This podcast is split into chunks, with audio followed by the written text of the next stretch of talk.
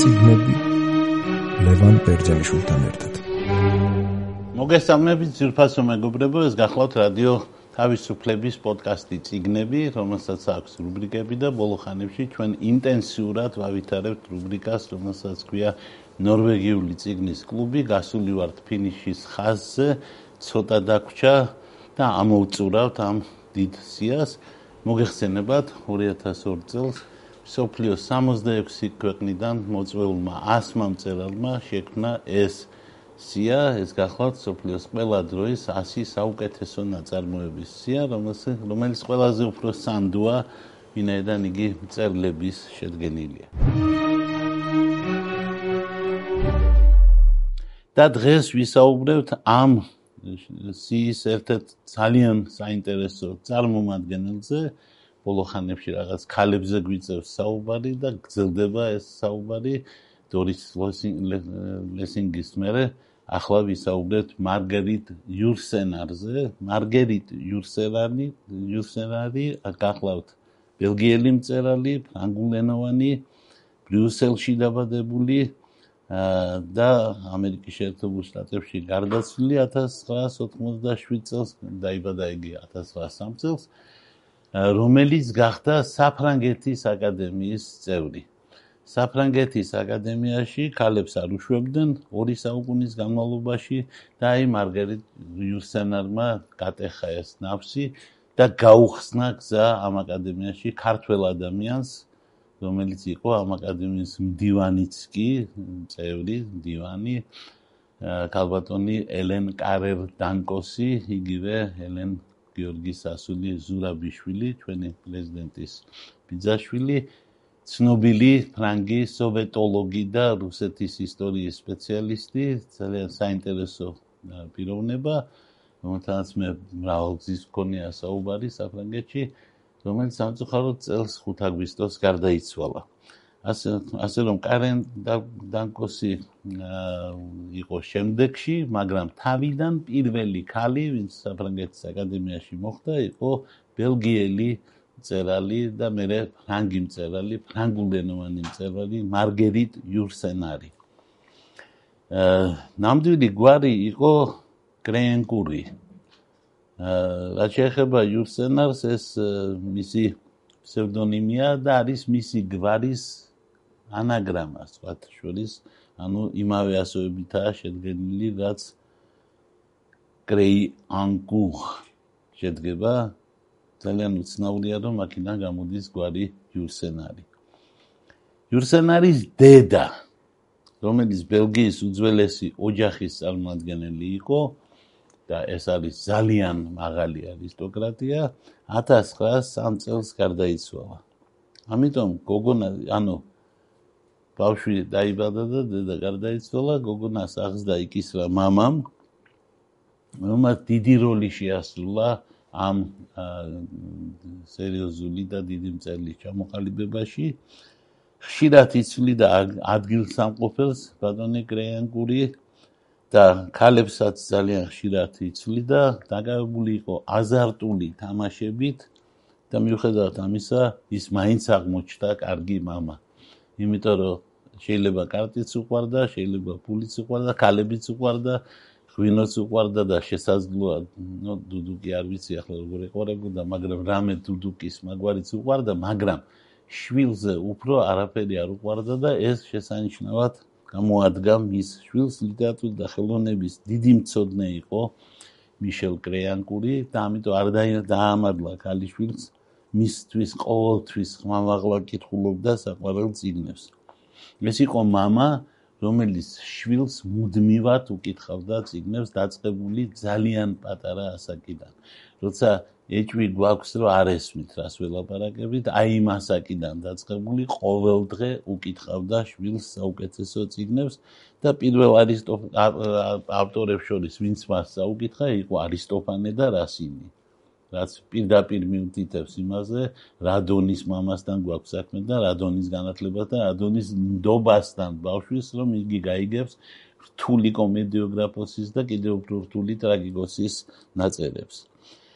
ამას მოაყოლა მე შექსპირი, მე მოაყოლა ამას მეტერლინგი, შატობრიანი, იფსენი, სენ-სიმონი, მერეშკოვსკი ისტორიული რომანებით ძალიან დიდი გავლენა მოახდინეს მომწერალზე. მარგერიტი არ დადიოდა არც ერთ საგანმანათლებლო დაწესებულებაში, იგი მთლიანად სახლში იღებდა განათლებას და მიიღო წკინვალე განათლება, შესანიშნავი განათლება მიიღო ოჯახში. იცოდა რამდენიმე ენა და განაგრძობდა სწავლას მთელი ცხოვრების განმავლობაში. მარგერიტის мама გარდაიცვალა, მაგრამ სიკვდილამდე მოასწრო ქალიშვილის ქალიშვილის პირველი ციგნი ეხილა, რომელიც სხვა შორის მამის ფულით იყო გამოცემული პოემა ქიმერების ბაღი.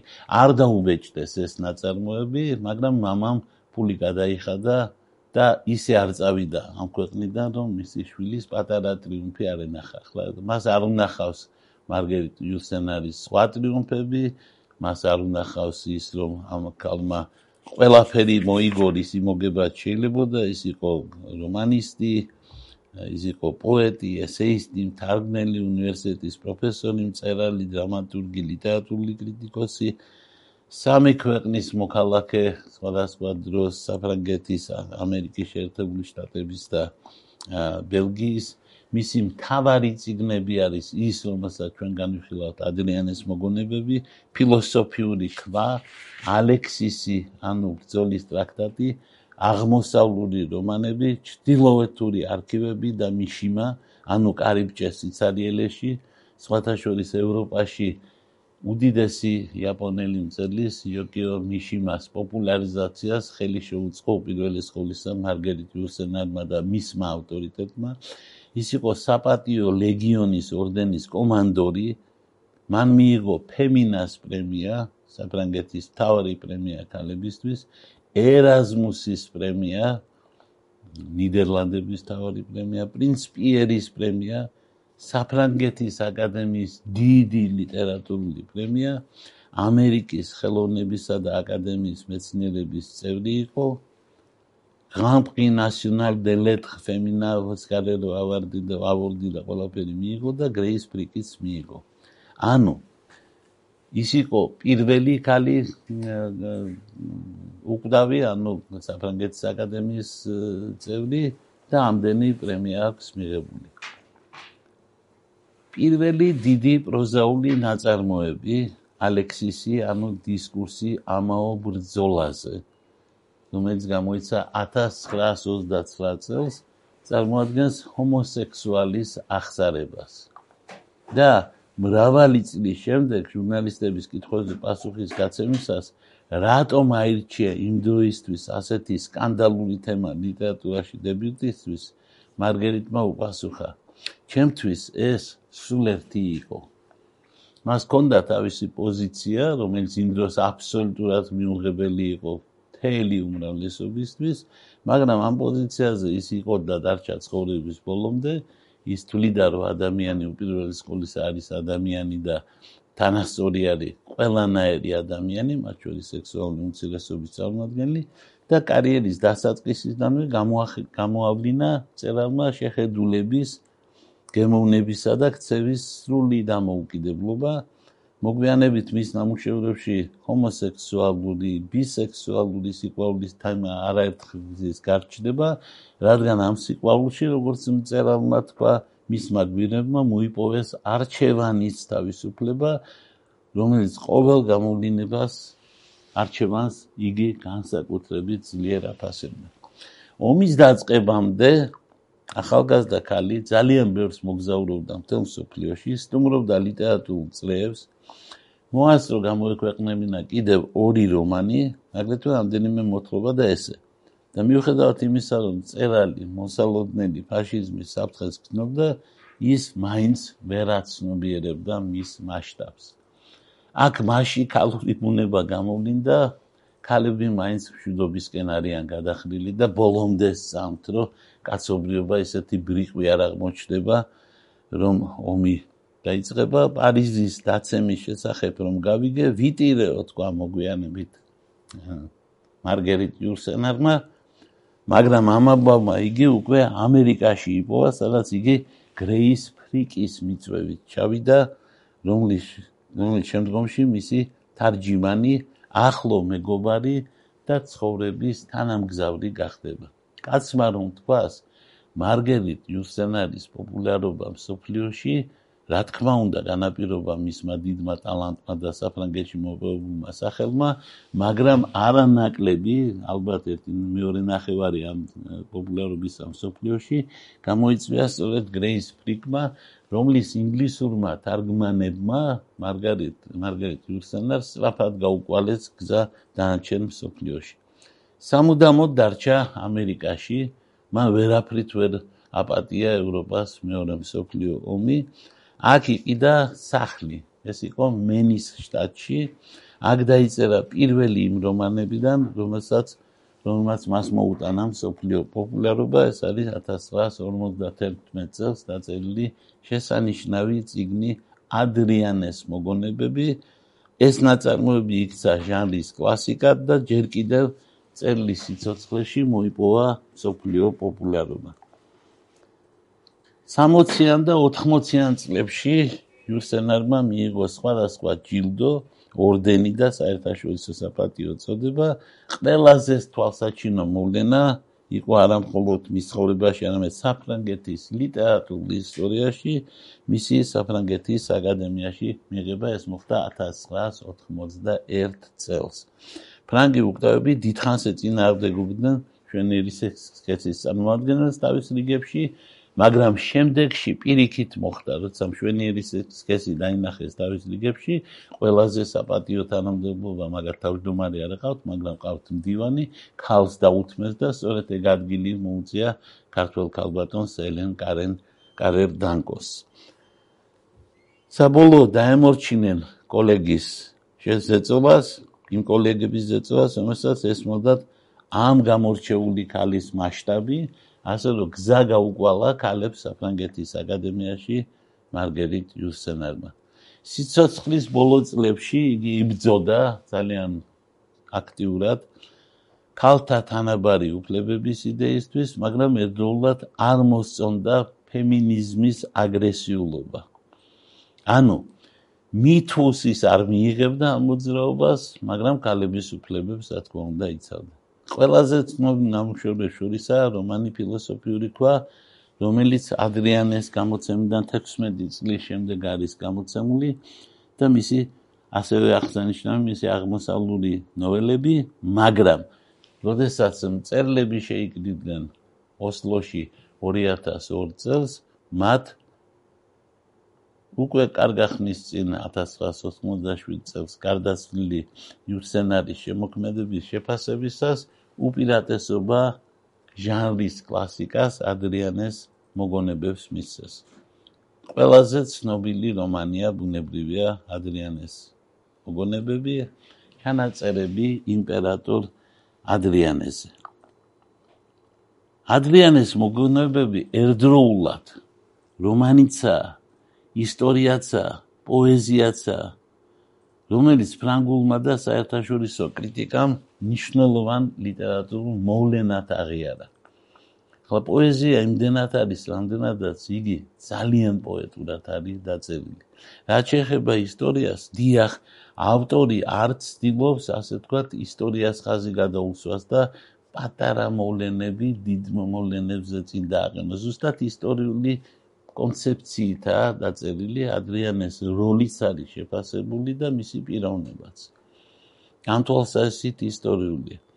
დიდი რომაელი იმპერატორის მოგონებების შეთხზვით, იმიტომ არანაირი ასეთი მოგონებები ბუნებაში არ არსებობს, მარგერიტ იუსენარმა შიგნიდან გადააკეთა ის, რის გადაკეთებასაც მე-19 საუკუნის არქეოლოგები გარედან ცდილობდნენ. ანუ რომის ისტორია. რომის ისტორია სხვათა შორის არის ერთ-ერთი ყველაზე უცნაური ამბავი, იგი არასწორად იყო გაგებული ყოველთვის. შესაბამისად, ისე იგი იმ დროს, როდესაც პოპულარული იყო რესპუბლიკური იდეა, რომშიც ისტორიაშიც პოპულარული იყო რესპუბლიკა და არა მეფეთა ხანა და განსაკუთრებით რომის იმპერია. არადა ადრიანეს საკუთარი ცხოვრებისა და პოლიტიკური მოღვაწეობის მკაცრი შეფასებით თვითონ თქვა მწერალმა, რომ მივიჩნევდი, რომ სამყაროს სილამაზეზე პასუხისმგებელი მხოლოდ მე ვიყავიო.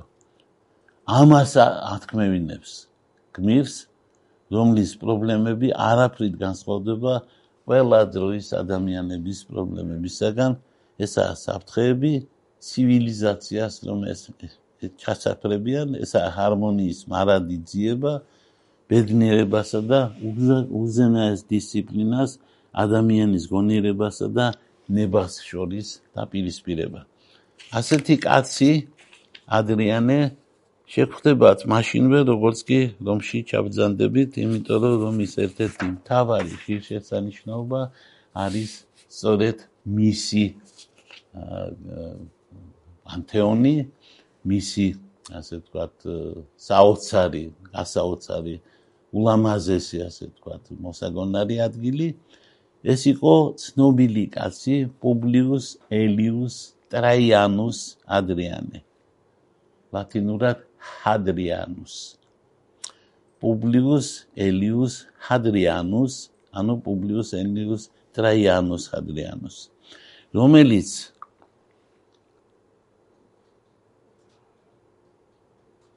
სამოცდათექვსმეტი წლის ჩვენ წელთაღრიცხვის 76 წლის 24 იანვარს დაიბადა და 138 წლის 10 ივლისს გარდაიცვალა. რომლის რომლის იმპერატორობა მოდის 117 წლიდან სიკვდილამდე, ანუ 138 წლამდე. ანუ მან 21 წელი უხელმძღვანელა მაშინდელ თელ სოფლიოს. იმიტომ რომ რომის იმპერია ნამდვილად იყო სოფლიო, რომელშიც ყველაფერთან ერთად რაღაცნაირად ჩვენც ვიყავით, ასე ვთქვათ, ინტეგრირებული. ის იყო ანტონინების დინასტიის წარმოადგენელი. ახლა ტრაიანუსი შემთხვევით არ არის მის გვარში, ბუნებრივია იმპერატორ ტრაიანუსის შთამომავალი იყო. იმპერატორ ტრაიანეს შთამომავალიც იყო, მისი აღზრდილი იყო და მისი გაზრდილი და შვილობილი იყო. მოგეხსენებათ იმპერიები ძალიან ხშირად შვილობილობით გადადიოდა. მაგალითად იულიუს გაიუს იულიუს კეისრის შვილობილი იყო გაიუს იულიუს კეისარი ოქტავიანუს ავგუსტუსი დიდი კეისრის შვილობილი იყო მეორე დიდი კეისარი რომელიც თავიდან ბოლომდე მის სახელს ატარებდა და დაამატა კიდე ორი სახელი.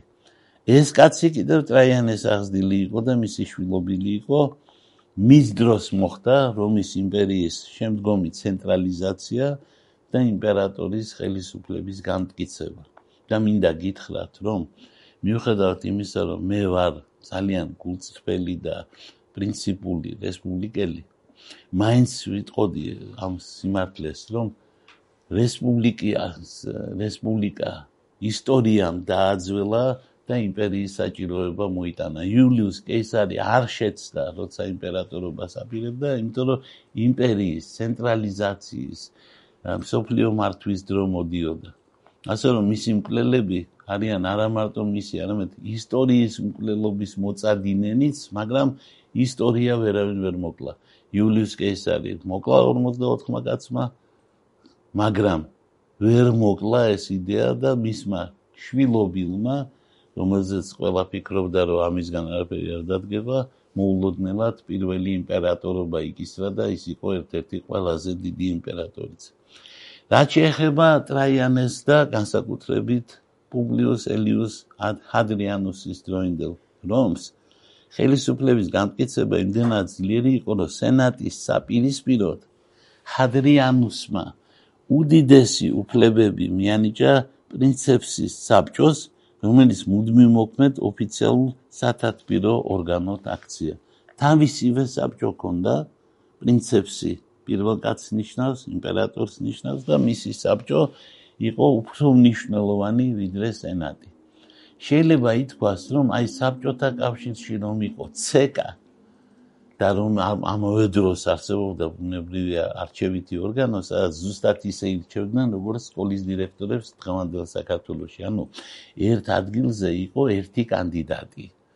ორი და სამი და ასეთი უზნეობა არ ყოფილა დემოკრატია ამდენად არ იყო განვითარებული ერთი კაცი იყო და იმას ირჩევდა 99.9%. ესწრებოდა მაგდენი და ყველა ერთსულოვნად აბსოლუტურად ყველა ირჩევდა იმ ერთ კანდიდატს. ზუსტად ასე შექმნეს მათ მიუხედავად იმისა, რომ კონდათ შესანიშნავი ორგანო უზენაესი საბჭოს სახით, მაინც არენდობოდნენ და მაინც ყველასაკეთ სეკაში წყვეტდნენ და პარლამენტი, საბჭოთა პარლამენტი იყო აშკარად დანამატი. მინისტრთა საბჭო კიდე რაღაცას წარმოადგენდა, მაგრამ პარლამენტი ნამდვილად არაფერს არ წარმოადგენდა, იმიტომ არსებობდა პრინცეპსის საბჭო, ანუ ცეკა. აი ასეთი რამე პირველად ამან მოიფიქრა, ადრიანე მოიფიქრა საიმპერატორო დაწესებულებათა სათავეში დააყენა მხედრები. ანუ ეს კლასი იყო მისი დასაყრდენი მოგეხსენება ჯერ კიდევ ძალიან ძველ დროში. ეს იყო სოლონი რომელმაც ბერძნული ათენის საზოგადოება დაყო 4 კლასად. სადაც პირველი და მეორე კლასები იყვნენ 500 მედიმნოსიანები და მხედრები. 500 მედიმნოსიანები არიან ისინი ვისაც 500 მედიმნი ანუ მედიმნოსი არის 52.52 მიასედი ლიტრი. და ამდენი 500 ჯერ ამდენი ქონდა ადამიანს ან ხორბალი ან თაფლი ან ხორბალი ან ნებისმიერი სხვა მარცეული ან თაფლი ან ზეითუნის ზეთი და ან ღვინო.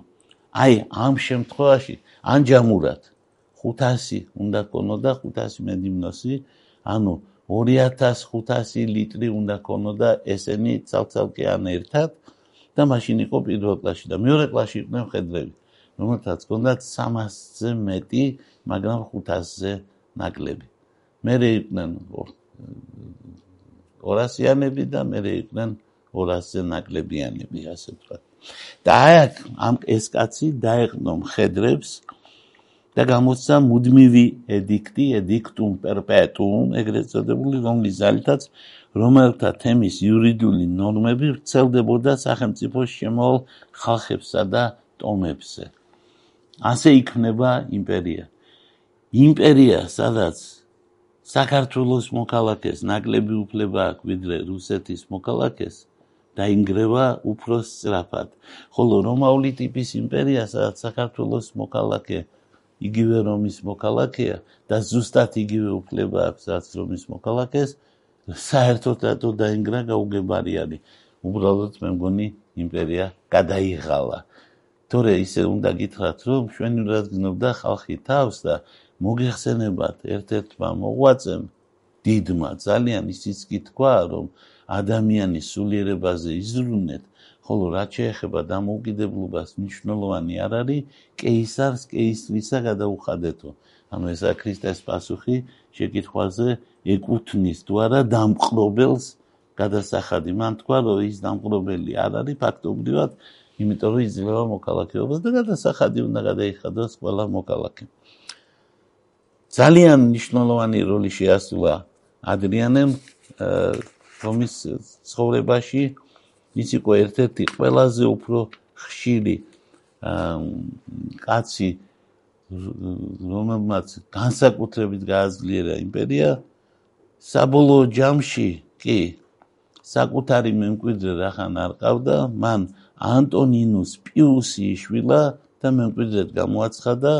გემოვნებით ფილელენისტი იყო ანუ ბერძნები უყვარდა ძალიან. ჰუმანისტად მოიხსენიებენ და ის იყო ხუთ კეთილ იმპერატორთაგან ერთ-ერთი. ну, რა თქმა უნდა, იმპერატორი, რომელსაც რომელსაც დაწერილი აქვს 10-ზე იფსუ, ანუ მოგონებანი, რა თქმა უნდა, ამ ხუთი კეთილი იმპერატორების სათავეშია, მაგრამ ადრიანეს ზუსტად იქიდანა რომლის წინამძღოლი, როგორც გითხარით, იყო ტრაიანე და მერე მას მოყვა ანტონინუს პიუსი. ამ კაც აქვს დაწერილი რამდენიმე ნიშნულოვანი ნაშრომი, ოღონდ არავითარი მოგონებები მისი სახელით შემორჩენილი არ არის. აი, სამაგიეროდ მისი მოგონებები, რომელიც დაწერა კალბატონმა მარგერიტ იურსენარმა ჯერ კიდევ ყველაზე უფრო მნიშვნელოვანი წიგნი არის რომელიც ეხება რომის იმპერიას. მე არ ამგონია რომ თეოდორ მომძენის შემდეგ, რომელიც ვაჩოლის ლიტერატურის დარგში ნობელის პრემიის ლაურეატია, რომზე დაწერილი მისი ისტორიით, მე არ მგონია რომ ვინმე ისე ახლოს მიახლოვებოდა ადრიანეს პერსონას და რომის იმპერიას მხატვრულად, როგორც ეს გააკეთა ამ შესანიშნავმა მწერალმა ქალმა. თვითონ იმპერატორი ადრიანე სიკტილს უძღებოდა ფილოსოფიურად. და მისი აღწერი, მისი ცხოვრების აღწერი, მოგონებების დამწერი მარგერიტ იურსენარი სიკტილს უძღებოდა ფილოსოფიურად და ის ამბობდა, რომ ტოებს რამ ამ ქვეყანას ის ნანობს მხოლოდ ყველაზე უფრო მეტად ჩიტებზე და თავის ბაღზე. მას არ ადარდებდა არც თავისი მემკვიდრეობა ლიტერატურული, არც თავისი, ასე ვთქვათ, ფილოსოფოსობა, არც თავისი აკადემიის წევრობა, არც ის ამბავი, რომ ყოველ წელიწადს ოდნავ გადასაკეთებელი ქონდა მისი ის სამოსი, რომელიც რომელთაც აკადემიაში უნდა წარდგარიყო, იმიტომ რომ მოულოდნელად ხან იმატებდა ზონაში და ხან იკლებდა ყოველგვარი დიეტის და ჰორმონცელობის გარეშე. ასეთი ქალი იყო. ხან იმატებდა, ხან იკლებდა დაახლოებით 5-10 კილოს. და ამიტომ ისე იგი მუდმივად გამოსაცვლელი ჰქონდა ამის შესახებ. მე ამ ფრენჩების შემკერავმა და დიზაინის ავტორმა ქართველმა კაცმა გუჯია მაშუკელმა მომახსენა, რომ აი იურსენარი უცნაური და თავისებური კლიენტი ყავდა, როგორც მკერავს და როგორც ოქრომჭედელს და როგორც ფრანგული მჭედლობის ასე თქვა თუ რამე გამოსაჭედია გერბი იქნება, ხმალი იქნება თუ პიჯაკის ოქროს და ვერცხლის და საერთოდ მეტალის ელემენტები მაგ მონაწილეობს. იურსენარს იმდენად უყვარდა ბუნება, რომ წერილობითაც და ზეპირადაც ძალიან ხშირად გამოდიოდა ეკოლოგიურად სუფთა სამყაროს დასაცავად და ყველაზე უცნაურია რომ ეკოლოგია მან რომში გადაიტანა და იმპერატორ ადრიანეს მიაწერა ეკოლოგიური ბრძოლები და ბუნების სისუფთავისთვის თავდადება და ბაღის სიყვარული საერთოდ იმპერატორებს უყვარდათ ან ბაღები, ან ბაღჩები, მოგეხსენებათ ერთმა იმპერატორმა დაიტრაბახა იმოდენა კომბოსტო გავაკეთერო დაბრუნება და იმპერატორობა არ მსურსო. და გასაგებია როგორ უყვარდა თავისი ბაღჩა ამ ამ იმპერატორს კი უყვარდა მართლაც უყვარდა ისტორიულ ადრიანეს უყვარდა ბაღი და მე ბაღი იყო, კარგი მე ბაღი იყო, მაგრამ მარგერიტ იუსენარის ხელში არა მარტო ბაღი შეიყვარა, არამედ ბაღის ჩიტებიც შეიყვარა. ერთ-ერთი განუხორციელებელი ჩანაფიქრი, რომელიც ჰქონდა მარგერიტ იუსენარს, რომელიც წამოწყებული არის ამ რომანში, ეს გახლავთ პეიზაჟი ცხოველებთან ერთად. ასეთი ციგნი ჰქონდა წამოწყებული. რამდენიმე ესე ამ თემაზე მაინც მოასწრო და დაწერა.